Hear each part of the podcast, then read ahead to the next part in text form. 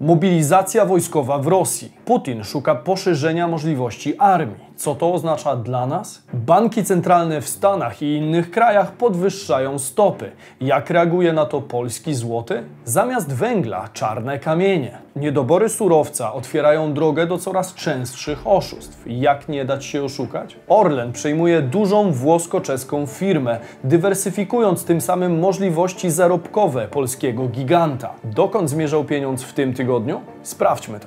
Bizweek. Cotygodniowy przegląd świata biznesu i finansów. Cześć, tutaj Damian Olszewski i witam Was serdecznie w programie Praktycznie o Pieniądzach i informacyjnej serii Bizweek, gdzie co tydzień otrzymujecie dawkę najważniejszych wydarzeń ze świata biznesu i finansów. Warto subskrybować kanał, aby wiedzieć, co dzieje się w naszych portfelach i kliknąć lajka dla potrzeb algorytmu, aby ludzi świadomych było coraz więcej.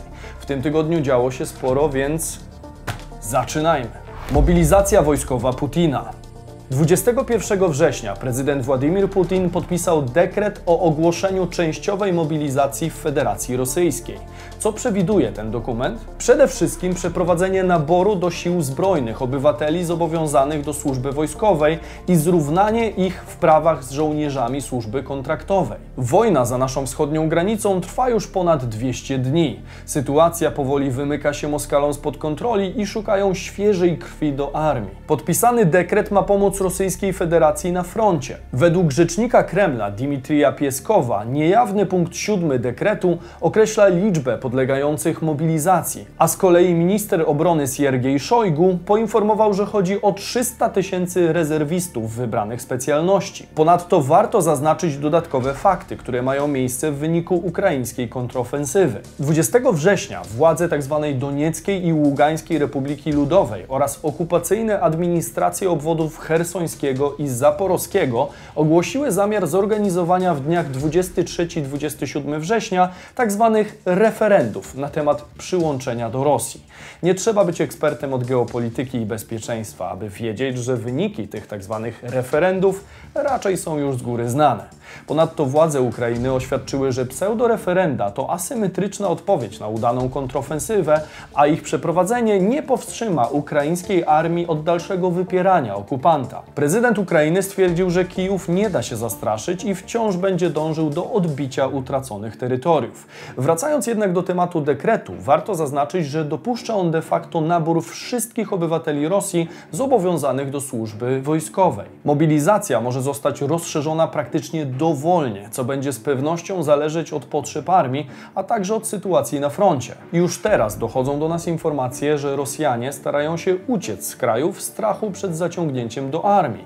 Obecna sytuacja wskazuje, że do końca wojny może być jeszcze daleko i przed nami kolejne fazy tego konfliktu. Z punktu widzenia naszego bezpieczeństwa niebezpieczne są wypowiedzi Putina dotyczące NATO i gruźb użycia broni masowego rażenia. и при угрозе территориальной целостности нашей страны, для защиты России и нашего народа мы, безусловно, используем все имеющиеся в нашем распоряжении средства.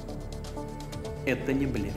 Miejmy nadzieję, że Sojusz Północnoatlantycki nie zostanie wciągnięty do tej wojny bezpośrednio, co groziłoby przecież wybuchem III wojny światowej. A Polska tych wojen gościła już na swoim terytorium zbyt wiele. Tym razem również znajdujemy się w obszarze zagrożenia, co widać również po reakcji rynku i odpływie kapitału z naszego regionu, sprowokowanego m.in. decyzją Putina, a także niedawnymi decyzjami banków centralnych w innych krajach, o których opowiem Wam za moment. Polski złoty jeszcze słabszy. Niestety po raz kolejny mierzymy się z kryzysem polskiej waluty.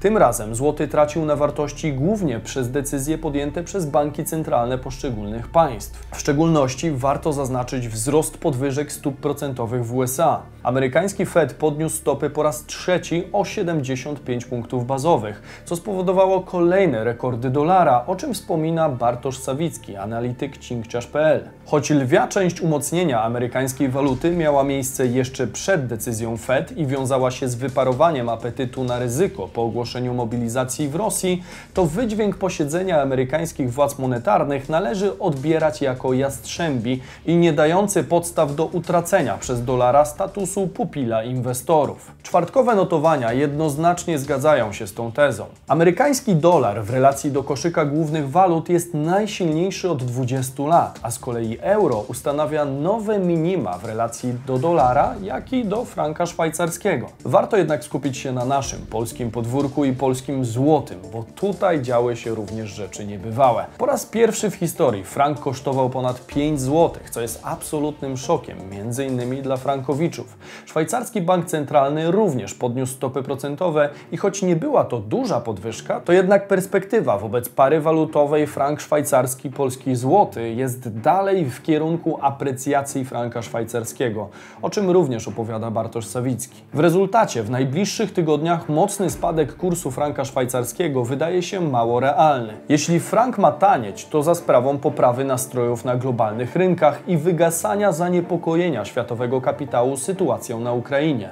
W tym roku głębszy spadek kursu franka aniżeli do 4,80 nawet w optymistycznych scenariuszach jest mało realny. Zatem tak jak wspominałem we wcześniejszych filmach, nadzieją dla polskiego złotego jest polepszenie sytuacji na Ukrainie, a także poprawa sytuacji w gospodarce ogólnoświatowej. Warto pamiętać, że im sytuacja jest trudniejsza, tym bardziej waluty uznawane za bezpieczne przystanie, czyli m.in. właśnie dolar czy frank szwajcarski, będą zyskiwać na wartości. Ponadto interesującą alternatywą mogą być także metale szlachetne, które pomimo ostatnich spadków, w mojej subiektywnej opinii, mają także potencjał do wzrostów. 500 plus dla małżeństw. Czy rozszerzymy program socjalny? 500 plus to wszystkim znany program społeczny, którego beneficjentem są rodziny posiadające dziecko w wieku do 18 lat.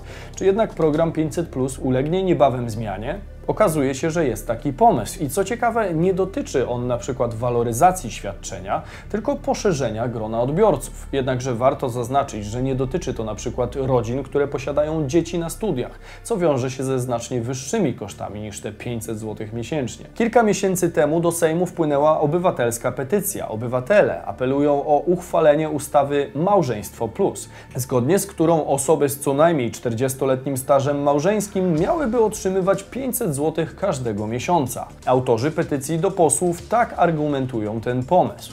Medal za długoletnie pożycie, który został ustanowiony przed laty, jest pięknym uhonorowaniem dotrzymywania przysięgi małżeńskiej, ale nie pomoże w trudnych chwilach. Należy pamiętać, że oprócz chwil wzniosłych jest proza życia, a więc opieka nad towarzyszem życia, którą małżonkowie świadczą sobie wzajemnie. Jeśli zaś sił nie starcza, trzeba korzystać z płatnej opieki osób trzecich. Jak zapatrują się na to politycy? Elżbieta Rafalska, była minister rodziny, która wprowadzała 500 plus na dziecko, uważa, że to piękna inicjatywa. Dzisiaj tyle małżeństw się rozpada, dlatego ten pomysł trzeba przemyśleć. To także element polityki prorodzinnej, ocenia w rozmowie z faktem.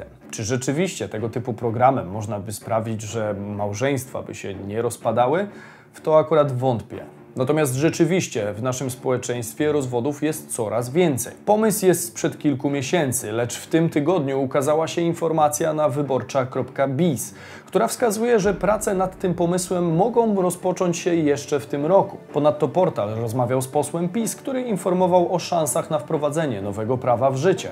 Poseł prosił o anonimowość. Zważywszy, że już co trzecie małżeństwo kończy się rozwodem, taka dodatkowa gratyfikacja byłaby jasnym sygnałem, że w Polsce małżeństwa, stwierdził polityk. Ponadto zapowiedział również, że będzie namawiał kolegów z partii do głosowania za nowym świadczeniem. Takie wypowiedzi nie są zbyt zaskakujące, jednakże trochę kolorytu dodał kolejny cytat. Oczywiście pozostaje kwestia pieniędzy, dlatego moim zdaniem musimy się zastanowić, czy to ma być świadczenie wypłacane co miesiąc, czy raz w roku oraz czy pomoc ma być kierowana do wszystkich małżeństw, czy też do tych, które wychowały dzieci, zaznaczył poseł. Najpewniej więc nie wszystkie małżeństwa będą mogły dostać takie dofinansowanie, lecz jedynie te, które wychowywały dzieci. Co myślicie o pomyśle rozszerzenia 500 plus o tego typu pary? Dajcie znać w komentarzu. Orlen przyjmuje włosko-czeską firmę. Powszechnie wiadomo, że PKN Orlen nie jest już tylko firmą paliwową. Orlen powoli staje się koncernem multienergetycznym, który ma odgrywać coraz większą rolę nie tylko w regionie, ale na arenie międzynarodowej. Świadczą o tym choćby przejęcia spółki, zagraniczne kontrakty, a także coś, o czym z pewnością wiedzą fani F1, czyli sponsoring tytularny Alfa Romeo. Orlen w minionym tygodniu dokonał kolejnego kroku. Tym razem ponownie jest to przejęcie. Warto jednak zaznaczyć, że Orlen nie przejmuje kolejnej polskiej firmy, lecz teraz postanowiono przejąć firmę zagraniczną. Dzisiaj mówimy jednak o przejęciu włosko-czeskiej firmy Remak, która działa w branży recyklingu. Powstała w 2004 roku i jej głównym obszarem działalności jest handel recyklatami tworzyw sztucznych, w szczególności polipropylenu, polietylenu i polistyrenu. W 2009 roku firma otworzyła zakład produkcyjny w strefie przemysłowej Ostrokowice w Czechach, gdzie posiada cztery nowoczesne linie do regranulacji tworzyw sztucznych o łącznej wydajności blisko 29 tysięcy ton rocznie. Jak ogłosił Daniel Obajtek, zgodnie ze strategią do 2030 roku na wartościowe produkty chcemy przerabiać rocznie nawet 400 tysięcy ton odpadów.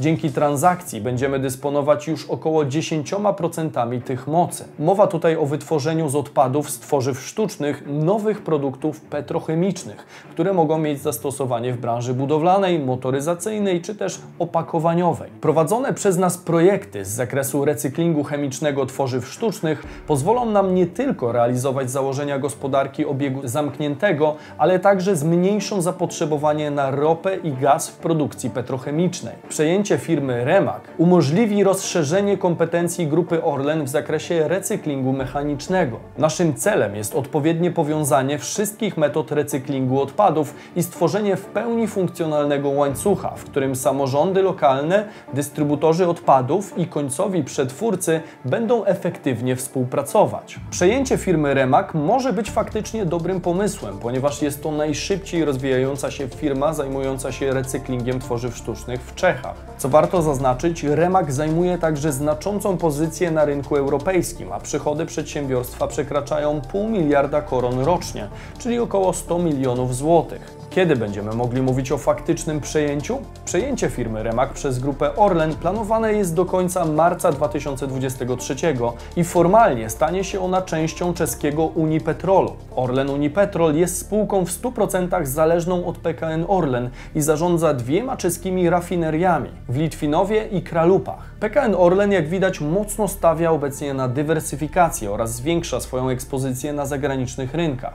W dniu ogłoszenia tej informacji akcje Orlenu nieznacznie podrożały, jednakże dopiero z biegiem czasu będziemy mogli ocenić, czy strategia do 2030 roku jest rzeczywiście trafna. Zamiast węgla czarne kamienie. Uwaga na oszustów. Zima nieubłaganie się zbliża i pozostaje coraz mniej czasu do zaopatrzenia się w opał. Nadal dla wielu Polaków głównym źródłem ogrzewania jest węgiel. W obliczu aktualnej sytuacji węglowy kryzys i strach Polaków przed zimą powoduje nasilenie działalności oszustów. O obecnym kryzysie energetycznym mówiłem zresztą we wczorajszym odcinku, który możecie znaleźć tutaj. O obecności oszustów na tym rynku przekonała się m.in. mieszkanka Zawiercia, która zamówiła węgiel. Wszystko szło jak należy i węgiel został rozładowany na jej posesji.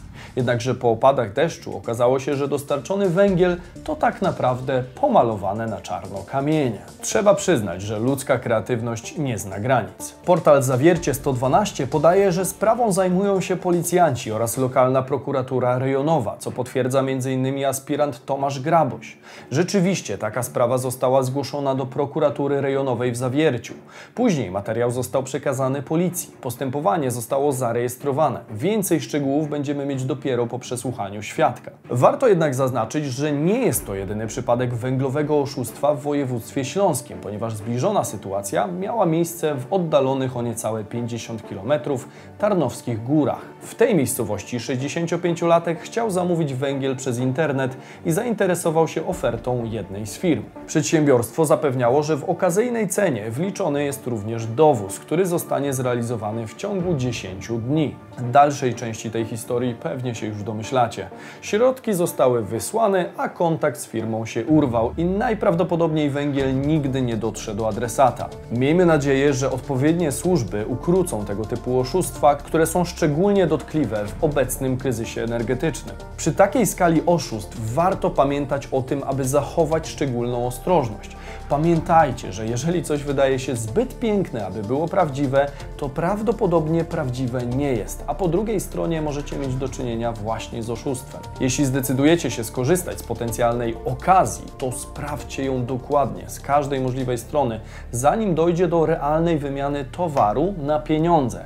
A jeżeli spotkaliście się już z podobnymi sytuacjami, gdzie mogliście paść ofiarą oszustwa, warto opisać tą sytuację w komentarzu ku przestrodze innych widzów. Dzieląc się tego typu informacjami, dajemy sobie większe szanse na odparcie tego typu praktyk. Mówił Damian Olszewski, a to był Bizweek, wasz cotygodniowy przegląd najważniejszych wydarzeń ze świata biznesu i finansów.